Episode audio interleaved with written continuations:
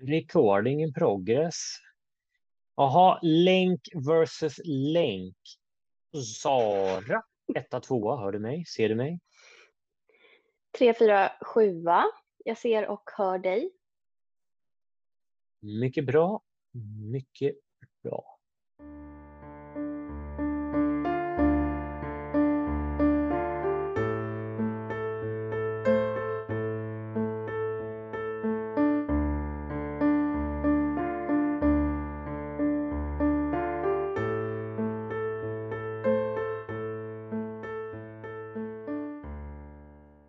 Välkommen, välkommen till Soul River Podcast med mig Jimmy.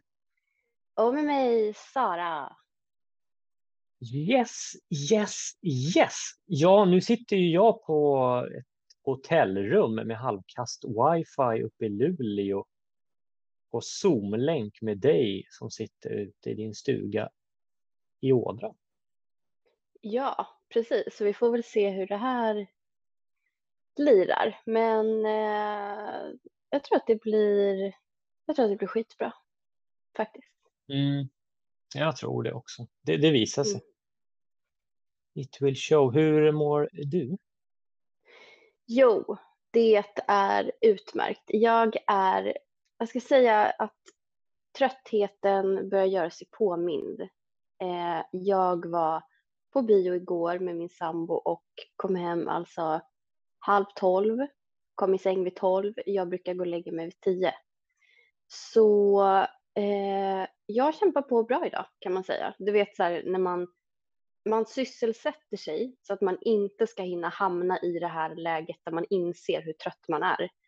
Och sen nu efter middagen, efter alltihopa, så bara just det, jag var ju lite trött. Så att jag kände nu att det liksom, du vet, slog till lite så här och sen unnade jag mig en liten drink också här så att eh, känner mig så lugn och avslappnad förstår du. Mm. Mm. Den kan ju också mm. bidragit till det här. ja, ja, men precis. Där, där kom tröttheten. Den, den kickade in med, med en eh, liten pyttedrink. Hur mår du? Eh, nej, men jag mår bra, eh, gör jag. Eh, jag är som sagt uppe i Luleå och, och jobbar. Eh, ja, jag är ganska trött och seg. Jag tror jag gick och la mig, eller jag gick och la mig nio igår så jag borde inte vara så trött. Men, men jag har badat lite och så där. Låg i badet så här varmt. Jag blev ganska trött efter det. Kroppen bara mm. oh, gick ner i. Så att jag är ganska så här mjuk och, och skön och sen har jag inte ätit någonting än för jag har, det blir så mycket här. Du vet, det blir liksom hotellfrukost och det är lunch och sen så trots att jag varit själv så har det blivit så här, nej men jag måste prova den där pizzan på det där stället och så går jag ut och så blir det en öl till det. Jag är inte van att äta så här mycket. Så det blir liksom mat på mat på mat. Så idag var det så här när jag åkte hem. Bara, nej, jag ska inte äta någonting. Jag tror jag fastar till frukosten imorgon. Liksom. Mm. Um, så nu är jag liksom, det känns ganska skönt, men det är också, blir jag lite trött för att kanske inte ha ätit någonting och badat. Så att just nu är jag lite, lite seg sådär. Men, eh, men annars, jag mår bra faktiskt. Det, ja, det, det rullar på tycker jag. Men det är så här knäppt det där att man blir lite trött när man inte äter, men man blir också trött när man har ätit. Alltså för jag inte, idag var första dagen jag åt middag, jag hade inte ätit middag på två dagar, för det bara blev inte så. Jag käkade popcorn till middag igår, jag tycker det är den bästa middagen. Liksom. Eh, så nu, bättre. för att jag, nej jag vet, så jävla nice. Och nu när jag åt middag idag, då blev jag trött för det. Man bara, nej men det är ingenting som är bra. Liksom. Nej. Ja, hur man än gör så blir det bara, blir det bara crap. Ja. Um, men det är, så, det är så lustigt hur eh, alltså saker alltid connectas ihop på något vis. Eh, för vi pratade ju om det tidigare idag. Jag kollade på en film här i veckan. Vad fan heter den nu då? Eh, Everything Everywhere All at Once eller någonting sånt där. Den är ju jätteknasig men den är ändå jäkligt cool och den handlar ju om tid. Så här, att så här, ja men tiden spelar egentligen ingen roll eller allting händer i parallella världar hela tiden. Alltså lite så. Och eh, andemeningen är lite så här, ja men ingenting spelar ändå någon roll. Alltså lite så, ganska så här befriande kan jag tycka. Eh, och sen i min lektion idag, varje torsdag så släpps det en ny lektion i min terapeututbildning och eh, så pratar de just om tid och att så här, tiden egentligen inte ens existerar. Alltså att det bara, tiden är någonting som vi människor har hittat på för att få lite så här struktur och regler att förhålla oss till. Och då bara kände jag så här, men vad är ens tid? Och du vet, då börjar man gräva i det. Alltså sen blir man ju Och jag som är så fixerad vid tid för att så här, jag måste alltid kolla vad klockan är för att jag vet att hundarna kommer olika tider på dagis, de åker hem olika tider. Jag måste hela tiden hålla koll på minuterna liksom. Och jag bara så här, men gud, alltså tiden existerar inte ens. Alltså så att jag känner att jag har suttit i någon sån här uh, litet vakuum liksom. Funderat på tiden. har du funderat på det någon gång? Um, jo, men alltså tiden är ju precis som, precis som för dig. Jag är också väldigt tidsbesatt. Alltså eh, riktigt så tidshitler, liksom. allting är så här minutiöst planerat. Så att jag har börjat släppa på det, men jag har också så här börjat tänka mer som du säger, som är parallella världar, att allting händer ju samtidigt. Eh, jag får ju så här, mycket sådana déjà vu-grejer och att, men, alltså ibland känns det som att jag nästan kan se så, två saker hända samtidigt. Som att jag mm. ser två parallella världar. Det är så här, uh, what? Alltså jag, jag vet inte. Det är som att ibland tittar jag bakom kulisserna lite liksom. Men det är jäkligt intressant. Jag tycker också det är skitfascinerande. Den där filmen vill jag faktiskt se. Mm. Uh, just ja, men eftersom... gör det. Mm, nej, den, det verkar, den tilltalade mig. Det var en här riktig Jimmy-film. Liksom. Så här, jag gillar mm. det här med parallella universum och ja, men lite som alltså multiverse som i Doctor Strange där, till exempel. När de liksom, så alltså, jag vet inte, det tilltalar mig av någon anledning. Det kanske är liksom att jag känner mig hemma där. Att det här tidsresandet, liksom. jag vet inte. Men det är häftigt det där ändå som du säger, att kunna bända tiden. Mm. Um, jag vet att jag var ju hos någon, jag vet inte om det var Anders Knut för många, många år sedan. Då snackade han om det där med tiden, att, att han liksom kunde böja tiden nästan. Han kunde liksom nästan stanna tiden och så kunde han liksom dra ut den. Han beskrev hur han har gjort det liksom, för att hinna till möten och såna här grejer. Uh, så det är, det är rätt mycket coolt som vi inte känner till alltså, där ute, man kan göra.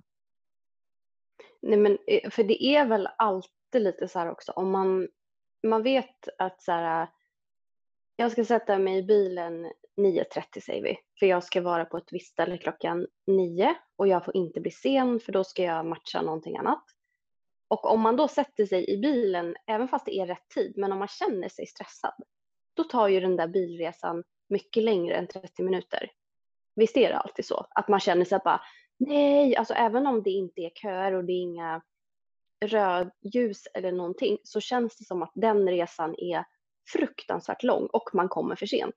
Men när man är bara så här, det spelar ingen roll, vadå tid? Det är väl liksom, jag kommer väl när jag kommer. Nej, men då kommer man ju för tidigt. Alltså, jag tycker alltid att det är så, att man, som du säger, man leker lite med, med tiden. Alltså det är ändå coolt liksom. Jag tror bara en illusion. Det är bara någonting, liksom, precis som du sa, att det är påhittat för att det ska bli greppbart för oss. Liksom. Mm. Men alltså, egentligen så kan vi själva då egentligen förflytta oss hur som, tror jag. Mm. Uh, det är jäkligt häftigt alltså. Uh, ja, det vill jag forska mer på faktiskt. Det är... Uh, mm. Ja, men så jag vill bara säga en sista grej med det, att jag har också märkt att när man eh, Alltså som på morgonen då, första hunden kommer 06.30 och då sitter jag med min kaffe och så, så här, du vet, sitter man och kollar på klockan hela tiden. Ja, jag måste gå ner snart, jag måste gå ner snart. Och det tar ju emot på morgonen när man sitter inne i värmen och man ska gå ut och det är kolsvart. Liksom, så här. Eh, men då har jag märkt att när jag inte bryr mig om vad tiden är, när jag bara är så chill, då är plötsligt så bara reser jag på mig, ställer min kaffekopp i köket och så går jag ut. Då är jag alltid nere prick. Alltså när jag bara har slutat kolla på klockan. Det är som att jag instinktivt bara vet. Liksom. Um, så jag har börjat testa sådana där små grejer nu hela tiden. Det är så jäkla häftigt. Alltså bara så här, och jag märker att jag börjar veta om när en hund ska hämtas. Alltså jag kan vara ute i skogen så känner jag bara så här, nej du, eh, Fido, nu ska vi gå hem för du kommer, jag kommer få ett sms från din husse alldeles strax att du ska åka hem. Ja, alltså varenda gång går det typ fem minuter så bara, eh, jag tänkte hämta nu om det är okej. Då bara, ja. Alltså. Se, det spelar, du behöver inte ens ha någon tid, du bara liksom vet. Nej, det, men din intuition är ju asstark. Det är ju coolt ju. Men apropå det, gud vad jag babblar, men jag måste bara säga det också att det var lite roligt för jag pratade med en kompis idag som har eh, ett barn som är för tidigt född och har behövt så här, syrgas. Eh, och så sa hon så här, ja men det är så jobbigt att vara så här uppkopplad hela tiden. och jag bara, ja, kände jag. Så, så här. för liksom, då tänkte jag bara shit vad vi lever i olika världar. Alltså för mig betyder uppkopplad att vara uppkopplad mot universum. Alltså att vara liksom eh, inne i det här flowet, att kunna kanalisera, att vara påkopplad. Men för henne betyder det rent praktiskt att det är syrgas, alltså ihopkopplad, uppkopplad med syrgasen. Jag bara, och då sa jag det till henne och hon bara, ah shit, verkligen så olika världar. du bara, jaha, är du? Jag visste inte att du höll på med sånt. ja, men det är så knäppt när man är i den här världen hela tiden, liksom att man bara, ja, man, man tänker ju på, på ett annat sätt, liksom. Mm, verkligen. Nej, det är jäkligt fascinerande. Mm. Ja. Ja, ja då tänkte vi prata lite om eh, de olika, egentligen så kallas ju intelligensen, men det är egentligen olika ska man säga, förmågor i oss. Alla har ju dem, delar av dem egentligen. Mm. Eh, det är bara det att vi har vissa delar utmärker sig mer än andra. Så att du kan vara starkare, vissa delar kan vara starkare, vissa andra delar kan vara svagare. Och sen är det ju alltid en del av oss. Så att de kallas egentligen för ja, intelligenserna, men det är ju inte intelligenser så, utan det är mer liksom eh, hur vi tar in information och hur vi liksom utvecklar saker och sådär. Mm. Um, då finns det en professor som heter Howard Gardner som är professor i pedagogik vid Harvard University. Uh, och han har forskat kring eh, temat begåvning. Och det här egentligen, han har ju fokuserat mest på barn egentligen. Det är väl där det börjar. Uh, för att han tycker liksom att hur kan det komma sig att vissa barn kanske känner sig korkade när de kommer till vissa uppgifter? Eh, och, och, och, vissa klarar det och inte, känner sig inte liksom dumma om man säger så. Mm. Eh, och där kan jag flika in, för jag har ju alltid känt mig kork, eller inte, jag ska inte säga alltid och korkad heller, det kanske är lite väl, men ofta känt mig eftersom jag inte har varit så där bra på matte och kunna liksom komma ihåg du vet, geografi och de klassiska sakerna i skolan som många har. Eh, så jag kunde verkligen känna igen mig där, den beskrivningen. Och det finns det faktiskt ett ganska bra eh, citat från Albert Einstein som jag tycker är ganska bra. Och det går så här. Alla är genier, men om du bedömer en fisk utifrån dennes förmåga att klättra i träd så kommer den att leva hela sitt liv i tron om att den är dum. Ja, fan vad bra. Eller hur? Jag tycker den är ganska, det är ganska målande. Liksom. Mm. Men det kanske är det också att vi, vi människor förväntas ju typ kunna allt. Alltså vi, vi ska täcka så många områden och då, då blir det ju också att klarar man inte det så känner man sig lite korkad. Alltså, det är ju det som är problemet tror jag. Liksom, för man brukar säga så här var, var, vad, vad säger man, var, var man, rätt man på rätt plats brukar man ju säga. Mm, alltså så. Precis. Mm. Ja, och det, då, här har du ju typexempel på det. Liksom. Mm.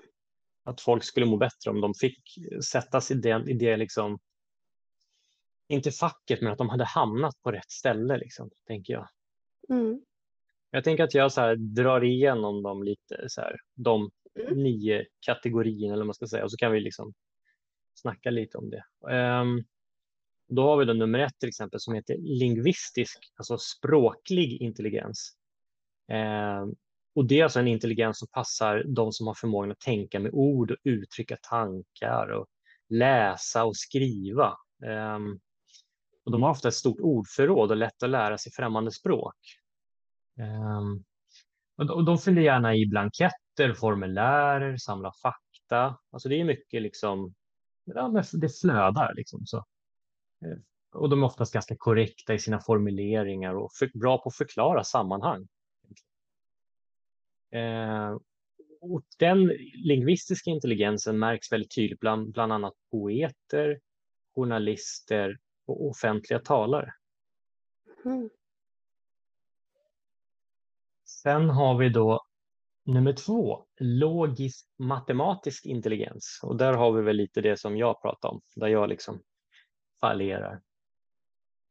Eh, och den som har en logisk matematisk intelligens så är ju duktig på, på matte, eh, har en förmåga att hitta strategier, löta, lösa matematiska vetenskapliga problem. De tycker om att planera, ha struktur och ordning.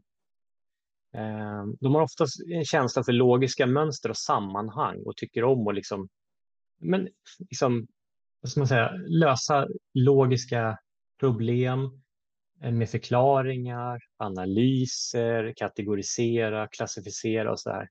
Och liksom testa olika ja, men hypoteser. Liksom så mm. um, och den intelligensen syns bland annat bland matematiker, vetenskapsmän och kriminalkommissarier. Så Okej, ja, där har ju inte vi, vi hemma kan man säga. Nej, det, Nej. det kan man lugnt säga. Där, där eh, faller ju vi bort ganska hårt. Ja. Sen har vi nummer tre då. Spatial, rumslig intelligens. Och det är alltså personer med en, väl, personer med en välutvecklad spatial förmåga. Jag vet inte hur man uttrycker det, spatial, jag tror det. Ehm, de har väldigt bra lokalsinne och är väldigt duktiga på att läsa kartor och diagram. Ehm, och de lägger oftast märke till små detaljer i sin omgivning och har lätt att föreställa sig abstrakta saker och uppskatta konst och mode och inredning. Um, de har även känsla för färg, linjer, mönster och form. Uh, fickparkering är inget problem. Och där tänker jag lite sådär, eh, lite rolig. Uh, nej men då tänker jag, det, det, det låter ju lite sådär, lite HSP-aktigt ju. Lite sådär, du vet, detaljrikedom, mm. liksom, lite så här känna in rummet får jag känslan mm. av.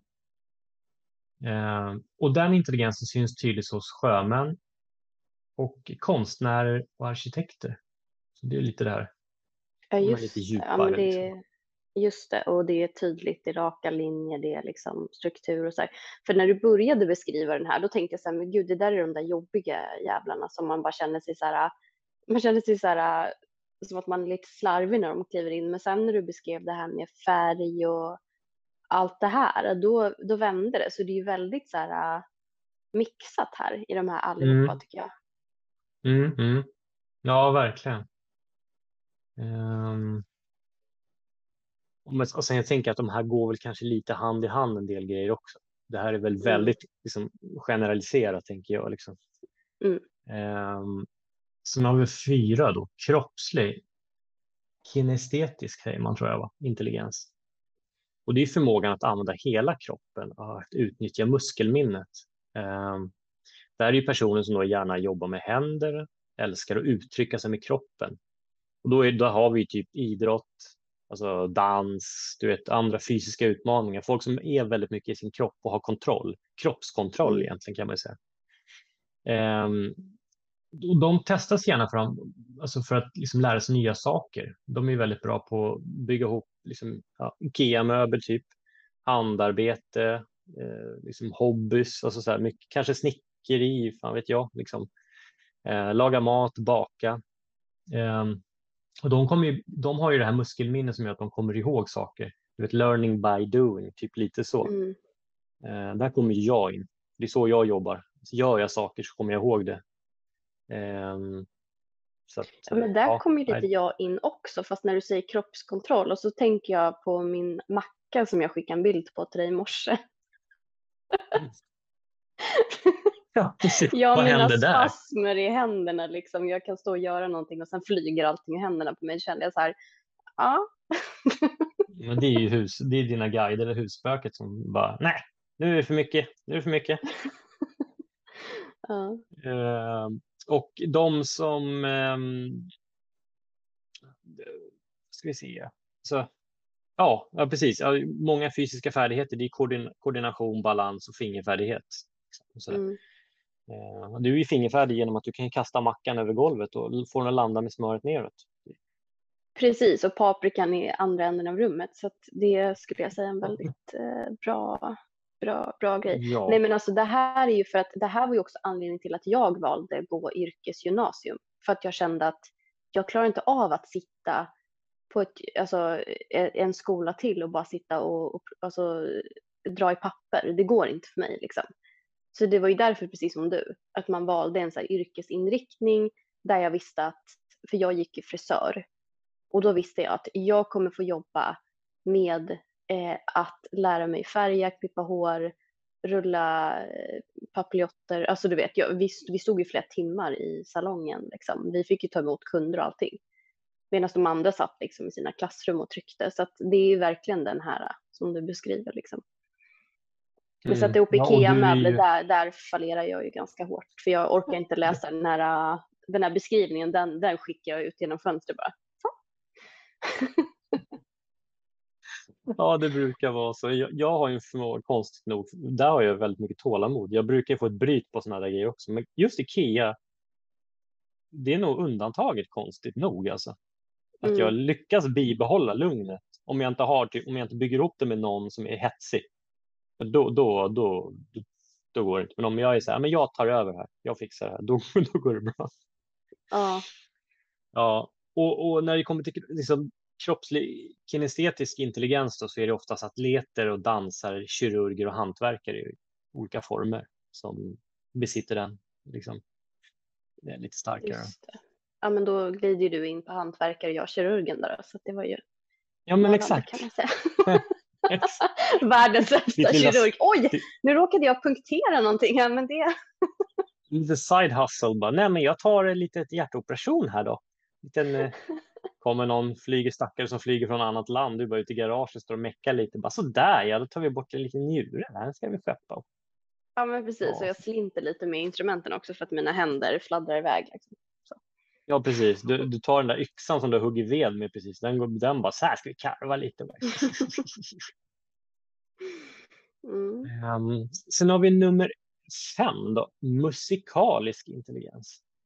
Um, vad sa du där igen? För det, det laggade lite. Vad sa du? Att... Ja, då tar vi om det. Musikalisk intelligens. Musikalisk, ja. Ja, och eh, personer med musikalisk intelligens, eh, de har förmågan att uppfatta och använda musik och rytm.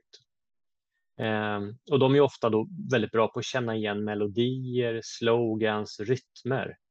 Eh, sen har de en väldigt stor förmåga att uppfatta, omforma och liksom urskilja små, små, små, små olikheter i musiken. Alltså du kunde verkligen höra så att ah, där har vi den där tonen kanske liksom och ja, men verkligen så här gehör deluxe liksom. Eh, och i denna intelligens så ingår då en känsla för rytm, tonhöjd, melodi, eh, klangfärg i ett musikstycke.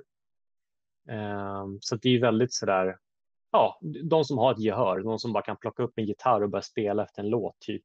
De mm. personerna, riktiga musiker. typ. Um, och den intelligensen syns ju tydligt då hos dirigenter, kompositörer, musiker, sångare. Så att det är ju väldigt sådär. Det är verkligen musiker. Liksom. Ja, ja. Um, så. Sen har vi nummer sex. Interpersonell, alltså social intelligens. Um, det, här, det här kan man ju tänka sig, man kan ju se det här framför sig, förlåt att jag avbryter, men man kan se de här personerna framför sig tycker jag. ja, men visst gör man det. Ja, jag tycker också det är ganska tydligt sådär. Ja, um, ja. ja, men det, precis, det är väldigt, och det här, det här är då interpersonell social intelligens. Um, och de trivs bäst med andra människor. Eh, oftast goda lyssnare, eh, kan trösta och är lyhörda för andras problem. Och, alltså, och jag tänker direkt så här, en social, då tänker jag på en babblare liksom. Som bara, mm. bara la, la, la, pratar om sig själv. Men det här beskrivs det som en person som är väldigt bra på att lyssna, men det kan man ju vara ändå. Liksom. Um, de gillar oftast att jobba ihop med andra människor. Um, de är bra på att leda, vägleda och att medla vid konflikter. Eh, sen har de oftast ganska stort tålamod i jämförelse med många andra och eh, engagerar sig gärna i olika föreningar. Eh, jag kan skriva upp mig på de flesta av de där grejerna förutom för, att vara med i föreningar. Där, där dog det. Mm. stämde ju inte. Mm. eh, den också, liksom kan kännetecknas också att du har en väldigt stor förmåga att uppfatta förändringar i ansiktsuttryck, eh, röstlägen och gester hos andra. ja. um, så där har vi återigen det där. Liksom. Så det, ja, det, man kan nog plocka lite från varje, men det är som sagt, alla de här ingredienserna har ju vi hos oss alla. Liksom. Det är bara att vissa mm. delar är ju starkare, så att jag tänker att det, det ja. Ehm, och typiska yrken då, det är lärare, socialarbetare, skådespelare och politiker. Det tycker jag, politiker, de hör väl inte till någon av kategorierna. Fan, det, fan nej. Det tycker jag inte. Mm. Um, sen har vi nummer sju och då har vi intrapersonell, så reflekterande intelligens. Um, så då har vi personer med en välutvecklad intrapersonell intelligens. Så de, de, de njuter av att vara ensamma och sitt eget sällskap oftast. Det är väldigt reflekterande människor. Um, de har oftast god förmåga att planera sin tid, alltså förstå sina egna reaktioner och känslor. Eh, och trivs, trivs att, i att jobba själv egentligen. Eh, jobba självständigt och, och vet oftast vad som är bra för dem själva, alltså vad de behöver. Oftast lite koll på sig själva. Liksom. Det här är det jag behöver och, och, och det här är det jag vill ha för att komma i mål. typ. Mm. Um, och oftast har de ganska bra självdisciplin och är mycket medvetna om sina starka och svaga sidor. Um, så att ja, där har vi lite mera, det känns som att det förra var lite mer extrovert, det här är lite mer introvert typ. Mm, för att hårdra det lite så om man ska säga. Men den förra var lite mm. mer gul färg om man ska gå efter de där färgkoderna och den här är lite mer blå kanske. Typ. Exakt. Ja, lite så, precis. Och, och de yrklass, liksom typiska yrkena då, det är filosofer, spirituella ledare och psykologer. Och, ja, ah. där har du lite mer. Mm. Mm. Lite mer så här, mm, jaha, hur tänker du då? Mm. De, har väl, de är väl oftast ganska målmedvetna, så där, har mycket disciplin. Liksom. Mm. Sen har du då nummer åtta, naturintelligens. Eh, något, något som är typiskt för den här intelligensen det är förmågan att kunna förstå sammanhang i naturen. Alltså, eh, lite hur allting hänger ihop egentligen. Eh, de kan oftast knyta ihop, så lite så här holistiskt känns det som att de kan knyta ihop djur och natur och förena liksom de här världarna. Typ. Um, de kan oftast liksom, ja, men, dra de tolkningarna till djur, natur, rymden, människokroppen. Um, jordade människor känns det som. Lite mer här, uh, jag ser framför mig, typ jag vet inte, jag ser typ Ernst framför mig eller något, du vet. Eller någon alltså som gud ut vad du är obehaglig, jag tänkte precis på honom. jag såg framför mig hans vita linnebyxor och han gick barfota liksom i eh, skogen. Ernst, eh, vad heter han, Kirchsteiger? Kirchsteiger, ja. Nej, men det var det jag fick upp också. Och sen precis innan fick jag upp en bild av någon som gick runt med sån här, du vet, regnklädd, så här galon så här med gummistövlar, typ så här, med en sån hatt, du vet. Det är lite regnigt och sniglar och det är lite så här, ja men det här Gula liksom, regnkläder. Ja, faktiskt. Mm. Mm. men då, och de har oftast gröna fingrar och en förståelse för djur. Så att det är ju väldigt mycket det här liksom. De är oftast liksom vandrar på fritiden, äger oftast djur. Eh, intresserad av dokumentärer och naturprogram kanske. Eh, oftast koll på kanske olika träslag, hundraser, fågelarter, blommor. Eh, ja, som sagt jordnära typer. Och eh, vanliga yrken är kockar, bönder och botanister. Mm. Mm. Och en och annan eh, kanske liten hunddagsägare Ja, jag kände igen mig ganska mycket i den där, Mm. alltså, eh, Jag tänkte på dig faktiskt. eh, Ja, Mm. sen har vi då sen, den... Nej, kör. Ja, nej, nej, men jag skulle säga att sen blir det väl automatiskt så när man bor i skogen, tänker jag, att man blir ju jordad automatiskt och hamnar ju kanske mer i det här då. Alltså, jag vet ju inte om jag hade varit lika i den, kanske, jag vet inte om det funkar så, men jag tänker jag kanske inte hade varit lika mycket i den intelligensen om jag hade bott i stan. Alltså så, nu hamnar jag ju Nej, mer i det, liksom. Så. precis, precis. Jag är Mm. lite osäker på om det är så att man har den medfödd eller om jag tror att det här kan utvecklas. Alltså jag tror att det är lite flytande liksom.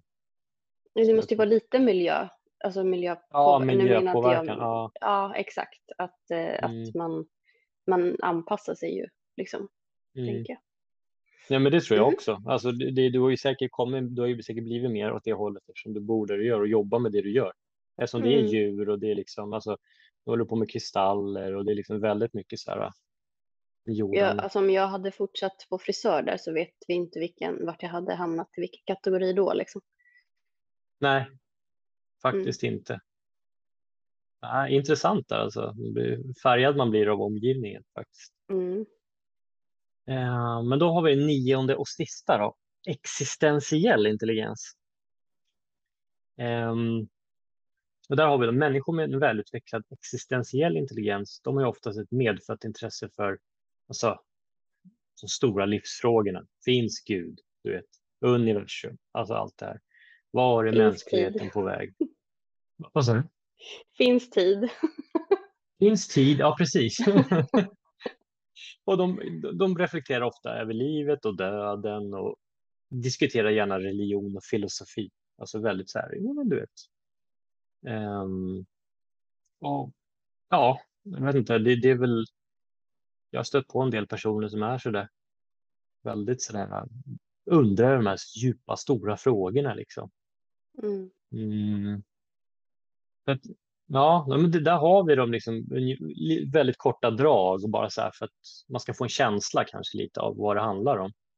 Mm. Ehm, men jag tycker det är ganska intressant ändå så här att se. Liksom. Alltså, Fanns det yrken på den här sista eller? nej, inte här. Mm. Nej, jag inte, nej, De har inga. nej, det fanns inget. De, Nej, de inte- sitter inte bara där. hemma och funderar. De står och funderar, ja men jag kan tänka mig, alltså där kan väl jag nästan tänka mig typ präster eller Präst, ja. ja, något sånt där skulle jag tippa på. Någon, Mm. som, någon som är lite mer liksom sådär. Ehm, men ja, nej, men det är ganska intressant att få en liten sån här. Jag, jag tycker i alla fall att det ger en lite mer här. Liksom, lite bild över vad saker och ting handlar om och att Mm. man har olika, egentligen kan- man ju se det här som olika styrkor. Ja, jag är starkare här på det här. Liksom. Jag, har, jag kanske är mer utåtriktad eller jag har lätt för att liksom, sammanfoga folk eller jag har lätt att skapa för, liksom, med naturen här och bygga ekobyar eller jag vet inte. Alltså, Mm. Man, kan, man kan se liksom, plocka små delar. Så här. Men det jag tycker bara är intressant att se det som en liten karta typ, över, över vem man är. Liksom. Mm. Vilka delar som utmärker sig mer eller mindre. Så att, um, mm. ja, det är väldigt intressant. Jag tycker så här bara att jag kände mig... Vad, vadå? Nej men det var kul att du sa det var väldigt intelligent eller intressant. Ja. Ja. Ehm, ja. Ja. Det gav mig en större... Jag, jag vet inte, kunde landa i det när jag hörde talas om det. Det kändes bara så skönt i mig så här, åh, typ, det är inte fel på mig, du vet så. Mm. Men hur kan, hur kan du koppla ihop det här med om du tänker liksom din, alltså ja, framförallt skolgång då, då liksom, vad, vad var dina styrkor och, och svagheter i, alltså under skoltiden liksom? Vart var det du kände så att, ja, men här, här fattar jag ingenting och här känner jag ändå att jag, vi har ju nämnt det lite grann, men jag bara tänker så här att försöka koppla ihop det med, med de nio som du har pratat om liksom. Ja, det första som dyker upp det är bilden. Eh, för jag ritade ju väldigt mycket. Alltså när jag satt på mina lektioner och inte fattade någonting, då um, ritade jag ju gubbar. Ritade gubbar, gjorde stjärnor, alltså du vet, hela mina block var bara fulla med liksom, bilder.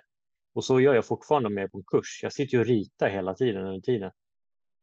Um, jag älskade bilden och göra serier. När jag var liten gjorde jag ju serier hela tiden. Massa, du vet, så här, man delar upp i fyra rutor och så, så att jag ritade liksom, så handlar det om någon. Så där.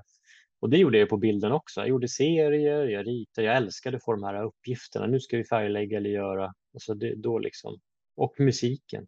När vi spelade du vet, piano och det var liksom olika instrument. Där har du ju mer den här uttryckssidan av mig. Liksom det artistiska mm. skapandet.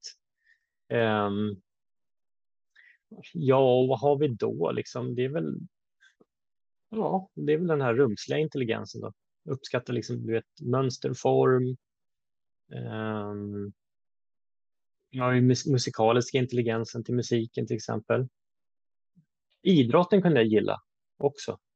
Mm. Där har du den kroppsliga intelligensen. Jag tyckte ju väldigt mycket om, om typ så spökboll och sådär. Även om jag inte är en tävlingsmänniska så tyckte jag väldigt mycket om när det var så här, typ friidrott. Du vet. Man skulle hänga i lianer och klättra. Och här, jag gillar så här, man får stärka kroppen klättra och mm. hoppa över bockar och sånt där.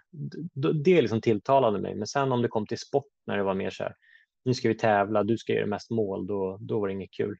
Så att jag ser ju, det är mycket det här rörelsen, skapandet, att få energin att flöda på, i olika former oavsett om det är bild eller idrott. Så det är kanske kroppslig, musikalisk och eh, rumslig intelligens. Vill jag säga. Då, i skolan i alla fall. Just det. Mm. Mm. Hur var, var du då? Liksom i, i skolan?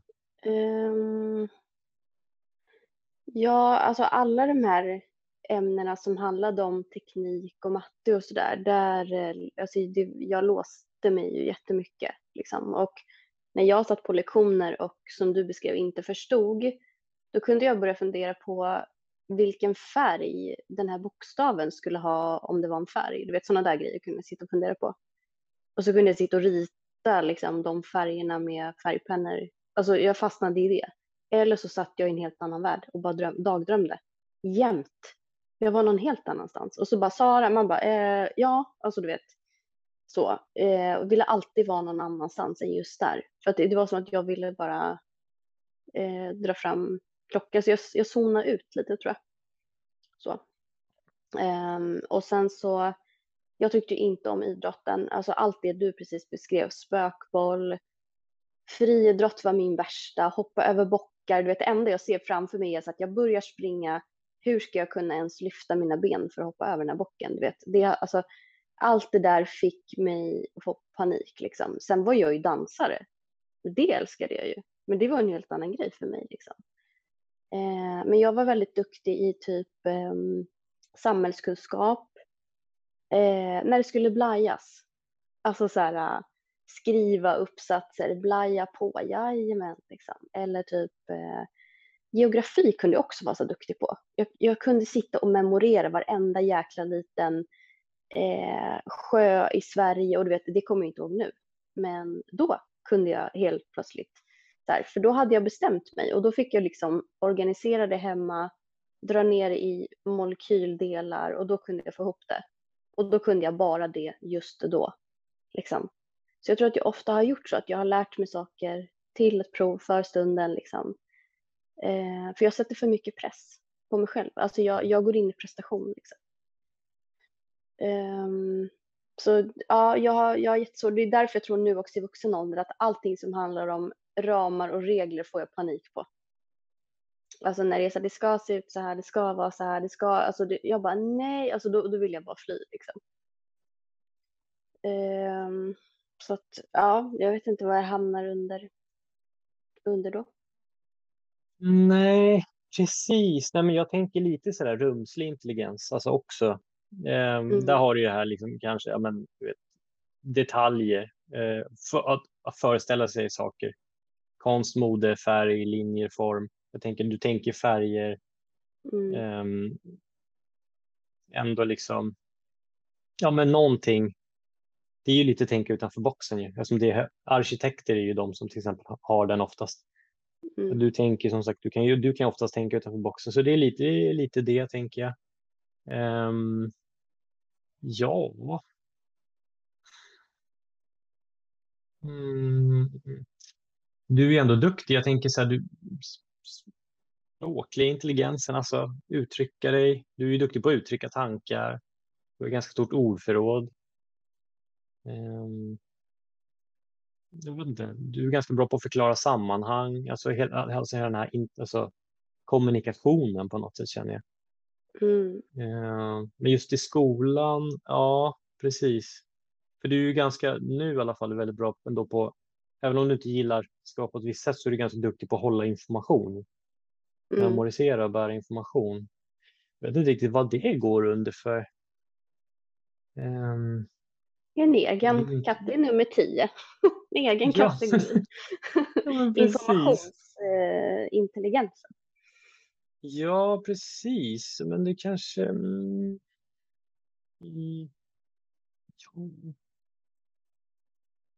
ja, jag vet inte riktigt vad det går under. Det är väl någon, någon, någon av de här bra kategorierna.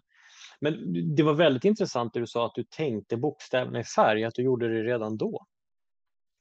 Ja, men alltså jag, ehm, eh, jag har ofta känt så att vissa ord är en viss färg och då tänker jag efter avsnittet med Sara Garanti att det kan ju vara så att vissa ord bär på en viss energi och att jag då har kopplat ihop den energin med den färgen till exempel om någon säger så här God morgon, då tänker jag så här Åh, den här är gul. Alltså så här, det ordet är gult för att det, det är så här, och, och godnatt, det är liksom så här, oj nu ska vi sova, då blir det lite, det blir lite lugnt, lite, kanske lite lila, alltså så där har jag ofta tänkt. Men sen har jag ju hållit på med såna här grejer också att um, ibland om folk har pra- alltså lärare har stått och pratat, då kan jag räkna hur många bokstäver det är i orden som de har sagt det där höll jag på med i flera år. Alltså jag blev nästan manisk i det när jag satt och kollade på film också. Att jag satt och, och räknade så här, eh, ja men bokstäver och så där. Eh, och så har jag ofta lagt märke till detaljer på lärare då till exempel. Om jag har zonat ut så har jag ändå stått och tittat så här, oj, han har inte rakat sig ordentligt där eller liksom så här, borde stoppa in skjortan där eller han har olika strumpor eller du vet, alltså jag har liksom lagt märke till så mycket saker. Så. Den där har ju den rumsliga intelligensen också, alla detaljer. Ja. Hmm. Så att ja, men, men det där med att räkna, alltså det, det gör jag fortfarande när du säger det. Nu kommer jag inte på tyvärr något konkret exempel. Men jag vet också att jag kan räkna. Jag tror att det är ord jag räknar också ibland. Det är meningar, så hur många meningar var det där? Ja. Jag vet att jag gör det ibland, men nu kommer jag, kan jag inte komma på, bara för det kommer jag inte på någonting så här. Eh, men det har varit väldigt mycket räknande. Ja, men jag kan försöka förklara, för jag satt mycket och gjorde så här när man åkte bil, så, så reg, regskyltar till exempel.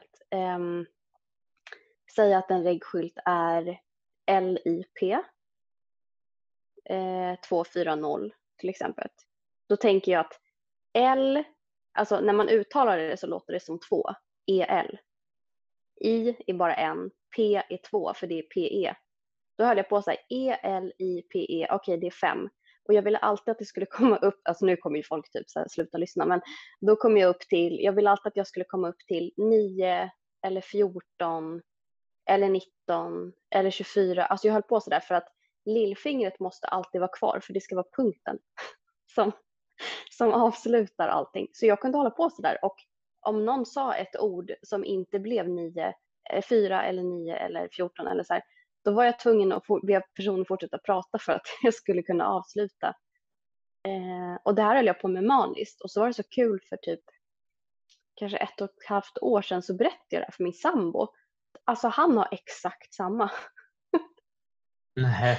Han bara, fan vad sjukt, jag har också alltid hållit på så här. Så bara satt vi och pratade om det, vi bara, men gud vad sjukt. Alltså så ibland så ser jag på honom att han sitter och räknar och då börjar jag också räkna och sen så man kollar du vet på någon amerikansk film och det är så här äh, svensk eller engelsk text liksom. Då kan jag sitta och räkna ibland. Shit, men, men det är lite så, jag, jag tycker ändå... Oj. Jag tycker inte att det är... Ehm, jag tycker inte det är konstigt. Jag tycker det bara är fascinerande och jag känner att det finns någonting mer bakom. Det känns lite som typ, typ någon form av numerologi, du vet. Ja. För det fin är du med? Och du är ju lite intresserad av det också. Jag tror att det ligger någonting. Det där är säkert någonting alltså säkert från, du vet, alltså därifrån du kommer. Din mm. planet eller din, där din själ liksom ursprungligen kommer ifrån, tror jag. Att det finns någon form av något djup. För att du har ju oftast de här men är det, inte, är det inte 42 som är livets eh, siffra eller något sånt där? Du vet att allting, du har ju treenigheten, det är också så allting blir man kan ju räkna ihop saker, du vet, du lägger ihop det så ska det ju bli typ nio, har jag för mig också en sån här baskomponent, mm. just nio. Nio, ja, jag kan inte det där. Jag vet att mitt ex pratade mycket om det där. Hon, var, hon hade ganska bra koll på det där. Och det var ganska mm. fascinerande hur allting liksom gick ihop. Allting är ju geometri, matte liksom, i slutändan. Det är ju vinklar, det är ju liksom tal som till slut blir, och allting går ihop. Jag, jag tycker att det där är skitfascinerande. Alltså. Um, hade jag inte varit så ointresserad av matte så kanske jag hade fördjupat mig lite mer det. Ja, precis. Och jag tänker också det kanske blev lite mitt sätt att ta kontroll över liksom att räkna på något vis. Alltså, eh, kanske. Jag vet inte, men jag vet bara att av någon eh, märklig anledning så har aldrig liksom siffran 5 funkat för mig eller 10 eller 15 utan det ska vara 4, 9, 14, 19, 24, alltså sådär. Eh, och jag vet också att jag har blivit så glad när jag har fyllt år, du vet på rätt siffra. Så i år var det 35 och då var det så här, ja, liksom, det, det var inte, det kändes inget bra liksom. Jag får vänta till 39 nu då. Ja, men precis. Så jag fyllde ju 42 här för några veckor sedan. Så mm. Då har väl jag den här universella siffran Fan vad bra. Nu händer allt. Mm. Det kommer explodera. Big bang inombords. Ny tid. Ja. Ja, jäkla häftigt alltså. Mm. Mm.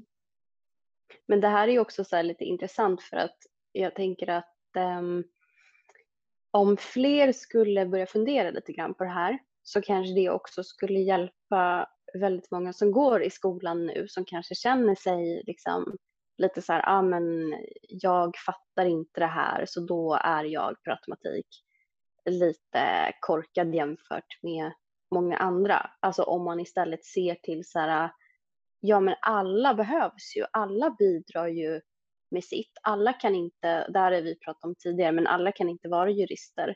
Alla kan inte vara elektriker eller alla kan inte vara frisörer. Vi behöver ju liksom andra, alltså vi behöver ju människor på alla ställen och då måste ju de här olika intelligenserna finnas. Men det känns som att hela systemet är uppbyggt så att alla ska liksom skolas in i samma mönster. Och sen helt plötsligt då när man är ja, 16 och ska välja gymnasium, då är plötsligt ska man säga, men vad vill du bli? Vad var det själv? Man bara, men alltså Eh, då har man ju liksom blivit intvingad i det här raka ledet under alla år för att alla ska vara likadana. Och sen helt plötsligt ska man utvecklas till sin egen person och då vågar man typ inte det. Um, ja, nej, för jag, jag, tänker liksom, jag vet att jag, jag fick ju gå på någonting som hette järnverket eh, på högstadiet för att jag fattade inte matten. Alltså, Eh, och då kände, nu gick ju min bästa kompis där också, så det var ju ändå bra. Vi, då kunde vi sitta där och vara lite så här tillsammans. Men, men man kände sig ändå lite så här när man gick iväg till en liten spessgrupp, liksom. Alltså så, så kände man sig ju sämre än vissa klasskamrater som till och med, eh, alltså om vi gick i sjuan då, så kanske de fick vara i nians mattebok för de var så jäkla smarta så de eh, de behövde nya utmaningar. Då kände man sig bara så här, men hur funkar deras hjärna ens? Varför har inte jag en sån där hjärna? Varför föddes jag så här? Alltså så tänkte jag massa gånger. Att jobba så här, vad ska det ens bli av mig? Vad finns det ens för yrken för en person som mig? Jag kan ju inte bli liksom advokat eller eh, läkare eller forskare. Liksom. Jag fattar ju ingenting. jag kände bara så här, vad, vad, vad blir det liksom? Och det är så jäkla tråkigt, alltså att man som ung ska känna så. Istället för att vara så här, nej men vet du vad, du kanske inte liksom eh, ja, men har jättelätt för att räkna de här konstiga talen med x och y och få ihop det här liksom. Men du är jätteduktig på musik eller rita eller så här, du behövs där. Alltså att man, för så kände jag aldrig. Alltså jag kände inte att det fanns någon som, alltså, alltså lärare som förklarade liksom att så här, men det är okej. Utan det var så här, nu måste du gå i den här gruppen så att du förstår den här matten så att du blir bättre så vi kan skicka tillbaka dig till de andra. Så kändes det ju. Eh, och så hamnar man aldrig där för att man blir aldrig klar för att jag fattade aldrig. Liksom. Och då känner man sig ju lite sämre än de andra. Som fisken som försöker klättra i träd, läste jag i början. Mm, exakt. Det, det är liksom, och du, du kan ju simma jättebra på att simma medan eh, en apa kanske är jättebra på att klättra. Alltså, jag tänker mm. det, är så här, det är här som blir så fel när man försöker forma ett helt samhälle och alla därefter.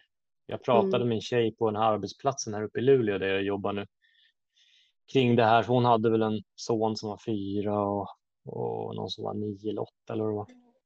Just att det här, då, då berättade jag lite hur jag såg på saker och hon, hon kunde resonera med det också. Liksom, att hon såg på sina barn att de hade olika styrkor och olika liksom, sidor också. Mm. Um, så att hon tyckte det var ganska intressant att höra. Liksom, för jag sa att jag tycker det är liksom, jag tycker det är orättvist att vissa som har väldigt lätt i skolan, de bedöms som att de är mycket, mycket bättre. Alltså, mm. Och de går ju runt och känner sig då kanske liksom, ja, men fan vad duktig jag är. Medan en person som då, vad vet jag, är jätteduktig kanske på trumma säger vi eller någonting eller skapa i slöjden då kanske till exempel. Så det är så här, jaha, ja, men det där är ju så här sidoämnen. De är inte så viktiga. Det är matten, geografin och samhället som är de viktiga. Typ. Om du ska gå, vad heter det? Du ska gå den här, fan heter det, natur till exempel, för du ska bli en mm. advokat. I don't know.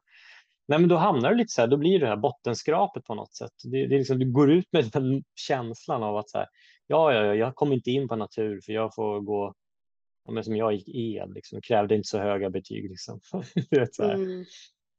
Men det betyder inte att, men tittar man på vad jag är idag till exempel så har jag ju ändå jobbat mig upp ganska bra, liksom. har rätt mycket kunskap och är rätt, typ rätt eftertraktad i den här branschen, får mycket liksom jobberbjudanden och så. Och det är så här, okej. Okay.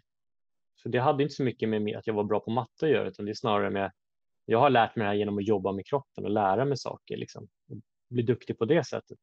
Så det har gjort att jag ändå kommer någonstans trots att jag inte var bra på matte. Liksom.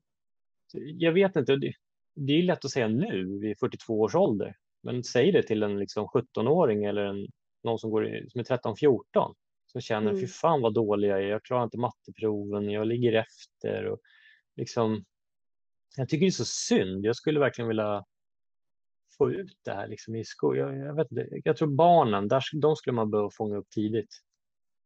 Alltså det, jag tycker ja. det är så synd.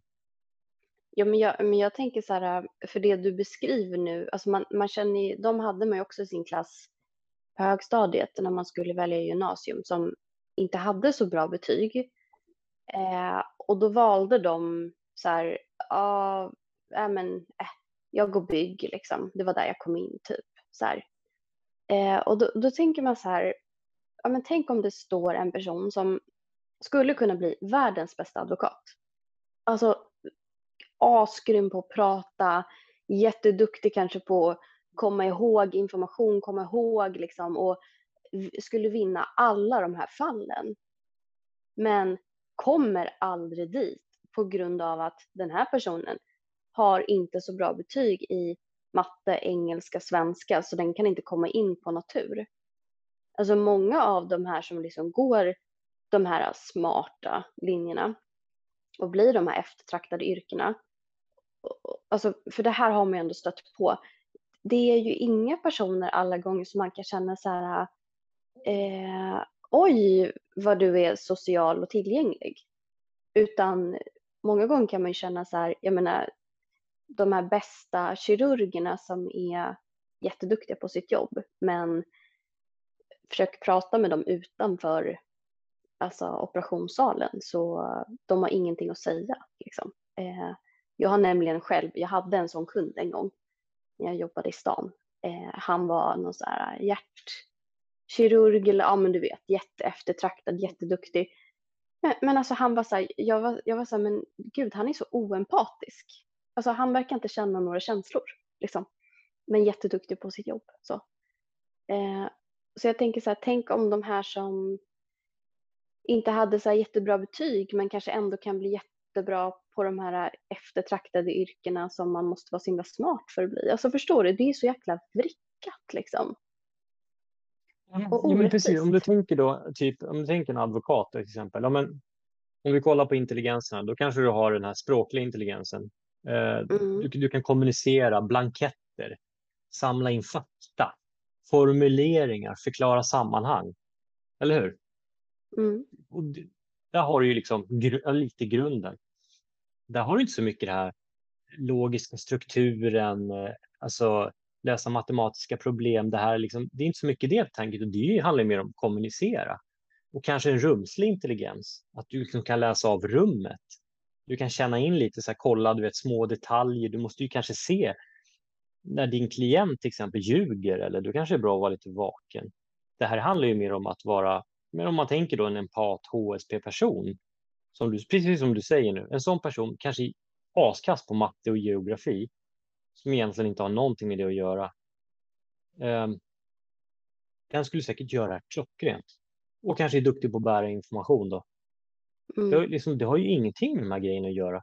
Och jag vet vilket, eh, jag vet var Närke ligger på kartan. Det är så här, jaha, och jag kan räkna ut algebra och hej och hå. Det är så här, men vilka jävla yrken är det bra i? Alltså, det enda gången alltså, jag tänker så här, ja visst, el kan det vara mycket matte faktiskt. Alltså, mm. Du ska räkna mm. ut eh, motorer och du vet, så här, bla, bla, bla, om du ska hålla på med lite större grejer. Men många yrken så behöver du inte ha det på det sättet, utan du behöver kanske ha lite koll på omvärlden och vara lite så social, ofta snarare. Mm. Kunna ta människor, precis som du säger, som kirurgen, där har du ju liksom den kroppsliga intelligensen. Han är fingerfärdig, han är duktig på liksom, så måste han kanske ha en sociala och rumsliga, läsa av. Det kanske har hänt någonting, familjen är oroliga, han behöver liksom plocka upp det. Det är ju mer den sociala aspekterna, ser jag, mm. än att han är duktig på matte. Liksom. Vad ska han räkna ut algebra när han karvar upp någon och lyfter ut hjärtat? Liksom? Det är, jag tror inte att det är många yrken egentligen där du behöver ha det så på det sättet. Så det är så mycket som skolan fokuserar på eh, som egentligen är ganska bortkastad tid faktiskt. Som de skulle kunna liksom, om du, säger, om du hade en skola då där du lyfter upp, du plockar upp eh, Nisse, åtta år, och så mm. bara gör en liten, gör ett test på honom, kolla upp så här, vad, vad är hans styrkor och sen så gör man utbildningen lite anpassad efter honom. Och försöker, och försöker stärka och lyfta upp de här sidorna. Som mm. gör att man kan inte kan göra det per person, men som att plocka upp det tidigt så att de faktiskt, då kanske de också får en helt annan, liksom själv, ett annat självförtroende. Så att jag tror också som du säger, då skulle nog kanske den här personen som inte har så bra betyg i matte och sånt men som är klockren advokat skulle kanske brinna mer för det än, än att den hamnar då kanske på bygge och är helt ointresserad till exempel. Ja, men alltså för det blir ju som någon sorts eh, alltså så väldigt konstig utrensning av människor då som inte lever upp till standarden. Alltså eh, på något vis. För jag, för jag tänker som det här, jag menar jag var jättedålig i matte, men om man tänker frisörlinjen är ju väldigt mycket kemi egentligen. Alltså så, för du ska ju stå och blanda färger, du ska veta liksom vad innehåller allt det här, det är så här hårstråstruktur och liksom man ska veta precis hur blir en moss, just en moss i den konsistensen. Alltså vi fick kolla på med så mycket sådana där grejer. Det var ju liksom flera terminer med bara det här liksom eh, allt det där olika ja, men, alla de här förkortningarna, H2O2, alltså eh, väteperoxid, alltså alla de här grejerna. Liksom. Men det funkade ju för mig för att det var i ett sammanhang där jag förstod varför ska jag använda det här? Jo, okej, okay, jag behöver förstå väteperoxid, eh, det blandar jag med eh, blonderingspulver för att då kan jag blondera hår eller jag blandar det med färg för att då um, sätter sig färgen i håret. Ja, men då förstår jag det. Men om jag liksom bara hade behövt läsa det från en bok så kan inte jag sätta in det i en kontext i men hur ska jag använda det? Och då går det inte. Liksom. Så hade inte jag pluggat på så mycket, för det var ganska alltså, höga betyg för att komma in på frisör då, på den tiden. Det var ju, jag började ju 03. Um, och eh, jag hade ju bara gett mig tusan på att jag måste in på frisör. Alltså jag kan inte gå vanlig, så det var ju därför jag, liksom, jag kom in. Eh, men jag menar, hade jag inte gjort det, alltså förstår du, det är så orättvist bara. Liksom.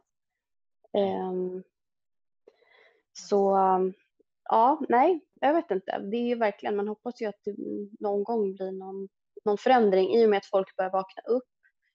Jag tycker att många är mer medvetna, eh, börjar liksom i alla fall eh, öppna ett litet fönster i sina fyrkanter liksom. Titta ut lite. Eh, och jag tror att det, ehm, det behövs liksom för att alltså, det, det blir ju lite så här det handlar ju lite där om vi brukar prata om att sprida god energi liksom och så här. Eh, det behöver gälla överallt för vad vi har förstått i och med att vår syster är lärare så är ju klimatet i skolan är fruktansvärt hårt. Eh, det finns ju inget utrymme för alltså eh, att folk ska få utvecklas i sin egen takt och liksom göra allt det här.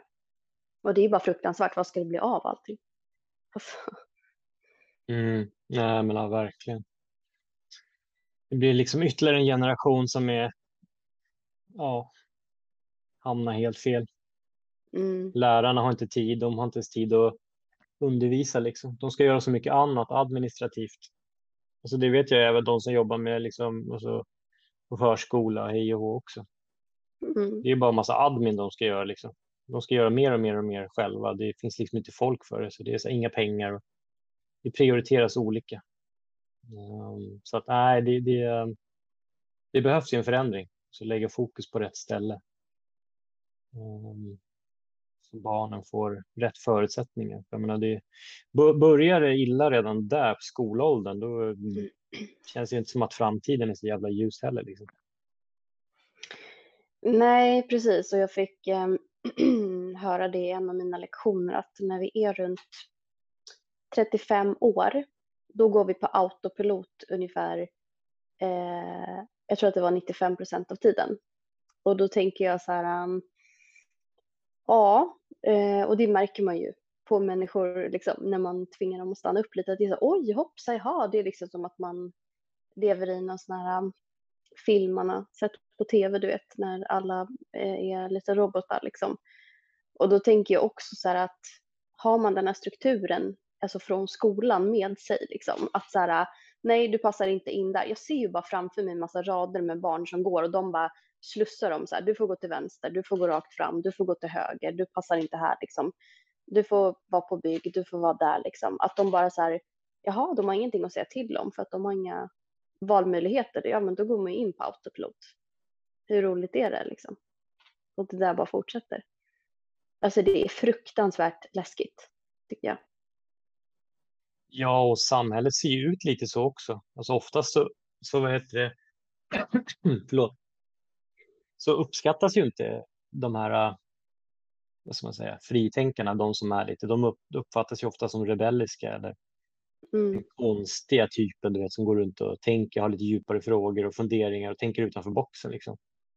Hela samhällsstrukturen är uppbyggd att det, alltså på det sättet också, så det är inte så konstigt vi formas och som du säger, 90, ja, 95 procent, det är 5 procent medvetenhet. Liksom. Mm. Och det är också så här, om vi tänker 60 000 tankar om dagen eller vad det är, de flesta går ju på repeat. Mm. Alltså nästan alla de tänker du samma dag, alltså om och om igen. Det är några nya tankar om dag, per dag. Liksom. Så mm. Du går ju grubbla på samma saker som bara snurrar runt. Det är, även där är autopilot. Och det är ju det så här, vi är ju konstruerade, hjärnan är ju lat. Den vill ju spara energi. Det är därför den gör så här. Den sätter oss på autopilot för att då, då konserverar den energin. Du behöver inte göra av med så mycket energi. För det är ju typ det törstigaste organet i hela vår kropp. Jag tror att den slukar så här.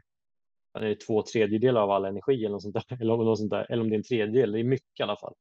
Det går mm. till hjärnan för att den är så jäkla liksom, sockertörstig. Så jag tänker så här, ja, vi konstruerade på det sättet. Vi har ett samhälle som bygger på det. Eh, folk tycker att det är bekvämt att bara rätta in sig i ledet och gå liksom, och inte behöva fundera så mycket. Så det är din kultur liksom också. Det vore skönt att få folk att vakna till lite och börja tänka själva. Det hade varit en frisk fläkt. Ja, ja men för att jag tänkte på det igår. Jag hade en diskussion med en vän eh, som har börjat på ett nytt jobb och eh, men, när, när man har börjat på ett nytt jobb så är det såklart, det tar ju lite tid när man blir varm i kläderna och liksom sådär. Och säker i, i sin roll och eh, min vän hade haft ett möte med en person eh, och så pratade vi efter och så sa den här personen då så här, ja men jag, jag, jag, kände liksom att jag, jag, jag förstod inte den, den här personen som jag hade möte med för att eh, jag kände att den var så, den var sitt yrke på något vis. Alltså så att jag fick liksom ingen känsla bakom och då tyckte den här personen att eh, ja, min vän då blev lite irriterad och då kände jag så här, men det är ofta så här folk tänker tror jag, alltså att vi är på autopilot, vi ser en person som för det första jag läste av var så här, men den här personen hon pratar om är ju så fruktansvärt osäker och gömmer sig bakom sin yrkesroll, för det har man ju själv gjort. Liksom, vem är du? Ja, men jag är det här och det här och det här. Jo, men vem är du? Liksom, att det blir läskigt, för man vill inte in och titta på det. Och jag tänker att så här, är det så här många ser på sin omgivning, på personer, på sitt jobb, eh, de personer de möter i matvarubutiken, att man bara ser det som den personen väljer att visa upp, då har vi ett problem. Alltså för att, för, för jag kunde ju direkt känna sig, ja men nej, men det handlar inte om det, liksom, utan det handlar väl om bla bla bla bla. Och jag, och jag känner bara så här, vi har ju inte ens tid att stanna upp och reflektera över om det är värt att bli irriterad på den här personen. Um, och, ja, jag vet inte, jag har funderat jättemycket på det här, liksom, hur jag själv har förändrats där. Uh, för jag hade nog inte heller sett det tidigare, liksom. men att det här äh, ta sig ur den här autopiloten, liksom. ja, jag måste inte gå samma väg varje dag. Jag kan ta en annan väg. Jag kan tänka på den här personen jag möter på ett helt annat sätt. Liksom. Som du har sagt, du möter någon och ler liksom, eller är trevlig och den personen förväntar sig kanske att du ska vara otrevlig och helt plötsligt så blir den så här, jaha, så blir den också på bra humör liksom. Så vi måste ju bara försöka så skapa en bättre energi i hela världen. Eh, och med det så kanske det också kommer komma mer förståelse för folks eh, viljor, behov och styrkor som kanske också till slut kan landa någonstans i skolvärlden. Tänker jag. Väldigt fint eh, hopknutet tycker jag. Hopknutet. Mm. Men det är ju den där medvetenheten, liksom att stanna upp och faktiskt fundera själv. Ja. Det, det, många gör ju inte det. det var, jag pratade med en person igår också om det där också. Att man behöver faktiskt inte göra saker som man inte vill göra. Mm. Bara för att det förväntas av en. Och hon sa också det så här, ja nej men ibland så gör jag saker så här, det, det, det, och det här och det här. Jag bara, fast det behöver du faktiskt inte göra. Du kan ju uttrycka ett behov du mm. har. Liksom. Vart också, den landade också så här, ja just. Liksom, jag sa, jag gör ingenting längre. Alltså vissa saker måste man göra när det har med barnen att göra till exempel. Det är ju så här, då får man som förälder bara göra det för att det är liksom så. Men många, nio av tio gånger så när det kommer till andra saker, där kan du bara säga nej, det här tycker inte jag är roligt. Det vill mm. inte jag göra. Men det är nog ingen som riktigt, men det är nog också det här, man, du måste ju vara medveten om dina egna känslor och vad du, vad känner jag inför det här? Då måste du faktiskt stanna upp och tänka efter. Och går mm. du på mm. autopilot så gör du inte det, utan det är bara så här, nu ska vi äta grönalger, okej, okay, säger alla. Så sätter de sig och käkar sina grönalger. Men kanske någon som bara egentligen sådär, men jag vill ha pommes frites, typ, säger vi. Alltså mm. hårdra liksom. Men någon som är vaken då kanske säger så här, nej men du, jag går nog bort dit och tar pommes frites istället. Mm. Och det märker jag på jobbet så att om, om vi är några stycken som går, så till exempel viker jag av och gör någonting, då, då hakar de andra på. De följer efter som lämnar. Liksom. Mm. Vi är så liksom så här, vi följer varandra, vi speglar varandra väldigt mycket. Liksom. Någon måste ju vara den som gör första steget och så kanske får de andra att vakna. Så jag tänker att det är väl kanske lite vårt jobb, eller vårt jobb, men vårt mission med podden också, att mm. medvetandegöra saker så att folk börjar tänka själva liksom, och vaknar. Och, men vad vill jag för drömmar? Vad vill jag jobba med? Och inspirera liksom. För att jag tror att det är synd. Jag tycker det finns så mycket som sagt, som du sa, rätt man på rätt plats. Var det än kan vara. Ja, men precis. Och um, jag bara kom på det när vi satt och pratade om det här med intelligenserna. Jag måste bara dra det jättesnabbt att det här är ju vi människor i ett nötskal. Eh, för, för, det är samma sak med trender. Ja, men ja, nu är det inne med eh, vida byxor, då går alla med vida byxor. Ja, nu är det inne med eh, eh, page, ja men då måste alla klippa page. Liksom. Vi kan ju inte tänka själva, liksom. utan vi är så rädda för att vara, vara fel. Liksom, så här. Men det jag skulle säga var att det är lite samma när vi pratar om att vi människor har olika intelligenser och eh, precis det du sa, eh, rätt man på rätt plats. I hundvärlden är det ju exakt samma sak. Och det här är ju vi människors fel. Vi vill att alla hundar ska bete sig efter våra mallar på samma sätt. För vi vet det här är en hund som är korrekt enligt liksom, eh, de här punkterna. Och sen så kanske någon har köpt en eh, jakthund. Vad ska den göra? Jo, den ska jaga. Och någon annan har köpt en vakthund. Vad ska den göra? Den ska vakta. Någon annan har köpt en fågelhund som ska springa och plocka upp döda fåglar i skogen. Alltså, vi har, alltså, de har ju alla sina olika egenskaper på grund av att det är där de ska vara. Eh, men vi tar dem ifrån det och ska stöpa dem in i exakt samma mall som vi gör med barnen i skolan. Liksom. Och så undrar vi varför blir det så mycket problem?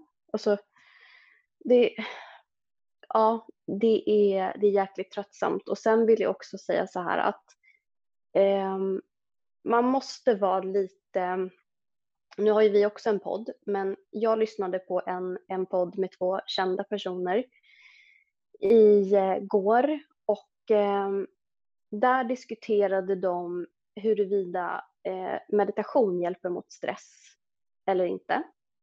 Och det här tar jag upp bara för att, så här, bara för att man lyssnar på personer som är kända och som har mycket att säga till om så måste man ändå lyssna lite grann till så här, tycker jag att det här lirar med mig? Eh, för det de tog upp då var i alla fall att eh, de hade fått en fråga så här, okej, okay, jag känner mig superstressad eh, och jag tror inte riktigt på meditation, men när jag sätter mig och mediterar så märker jag att jag mår bättre av det.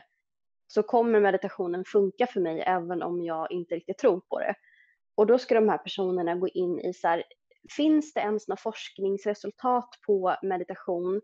Och då fanns det ju faktiskt det, alltså via Karolinska fanns det för mindfulness att säga ja, det funkar liksom. Att mindfulness, det vill säga vara i nuet, fokusera på en sak i taget liksom. Om jag hänger tvätt, då hänger jag bara tvätt. Om jag lagar mat så lagar jag bara mat. Jag multitaskar inte liksom. Ja, det lugna systemet och sådär. Och de här två personerna är väldigt så här, vissa gånger så är det så här, jag har varit hos en spådam en gång, det funkar jättebra. Nästa gång är det så här, ja, men alla de här spirrmänniskorna, alltså du vet, det, det är så himla splittrat. Och jag vet också att den ena av dem är troende, så jag blir så här, what?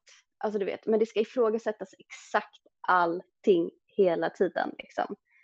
Um, och där blir jag också så där att man måste våga lita på, om jag märker att jag sätter mig och mediterar och jag blir faktiskt ganska lugn av det. Ja, men fråga inte, fråga inte ens då om det funkar, för då funkar det ju för dig. Alltså så här, våga lita till det som din kropp talar om för dig. Liksom. För vi är så beroende av att finns det fakta på det här? Vad säger den här personen som är lite mer upphöjd eller den här personen är känd eller liksom de här har mycket att, att tycka till om liksom. Alltså man kanske inte ska in och grisa runt så mycket där utan så här om jag känner att meditation funkar för mig, ja men då, då kör jag på det. Sen så, ja, om man inte tror på det fullt ut, så här, nej men funkar det så funkar det ju. Då har det ju resultatet talat för sig själv. Så att man ändå måste vara lite sådär I och med att vi pumpas med så mycket information och sånt också. Så att man eh, försöker stanna upp lite grann och lyssna på, ja, det här, det här funkar ju för mig. Liksom. Så. Mm. Ja, sant. Är så bra. Det är precis som du säger. Det spelar egentligen ingen roll oavsett om det är, vad heter det? Um, vissa saker funkar bara för att man tror att det funkar. Vad heter det? Jag kommer inte på, kommer inte på ordet nu, stöd still. Mm. Eh, ja, men typ du sa sockertabletter, det är egentligen inte ens medicin och så blir du frisk. Liksom. Du, vet. Mm. Du, du har ju ja, men folk som äter och jag är allergisk mot det här och så har de ätit det utan att veta om det så är de inte allergiska alls. Liksom. Till exempel, du vet, du fattar. Mm. Och det är lite samma där också. Det är så här, här meditation, jaha, ja, men nu ligger alla ute på Instagram, då måste det funka. Mm. Men hade du gjort det själv så hade det kanske funkat ändå. Liksom. Alltså, ja. Jag vet, då är vi tillbaka i det där, den stöpa den här formen, som du säger, rädslan av att vara annorlunda. Mm. Och att inte liksom tro på, på det du själv känner. Och det är, då måste du vara medveten så att det funkar faktiskt för mig. Jaha, det, det, är en styrka, det är läskigt att stå ut. Jag tror att det är det. det är, folk tycker det är väldigt, väldigt läskigt att stå ut och vara annorlunda. Mm. Det, ehm, och det krävs mod många gånger också att göra det. Vara den som trampar nya stigar. Liksom. Verkligen. Så då är det bra om det eh. kommer fler medvetna som trampar nya stigar där andra kan gå. Där är nytänkande stigar om man säger så. Mm. Så att det mm, inte är den här klassiska. Ju, ja, då behövs ju alla de här intelligenserna. Då måste vi släppa fram alla liksom. Ja, mm. precis. Att, mm. Ja, känner du dig nöjd med, känner du dig intelligent nu? Jag känner mig jävligt intelligent. Fasen mm. alltså. Mm. Ja, men ja. det gör jag. Mm. Så från Luleå till skogen så tackar ja. vi för oss. Vi tackar för oss och eh, vi hörs nästa vecka igen och då har vi med oss en gäst. Det ska bli jätte, jätteroligt. Mm. Verkligen. Mm. Ja, ja, men eh, tack och hej leverpastej då. Tack och hej leverpastej.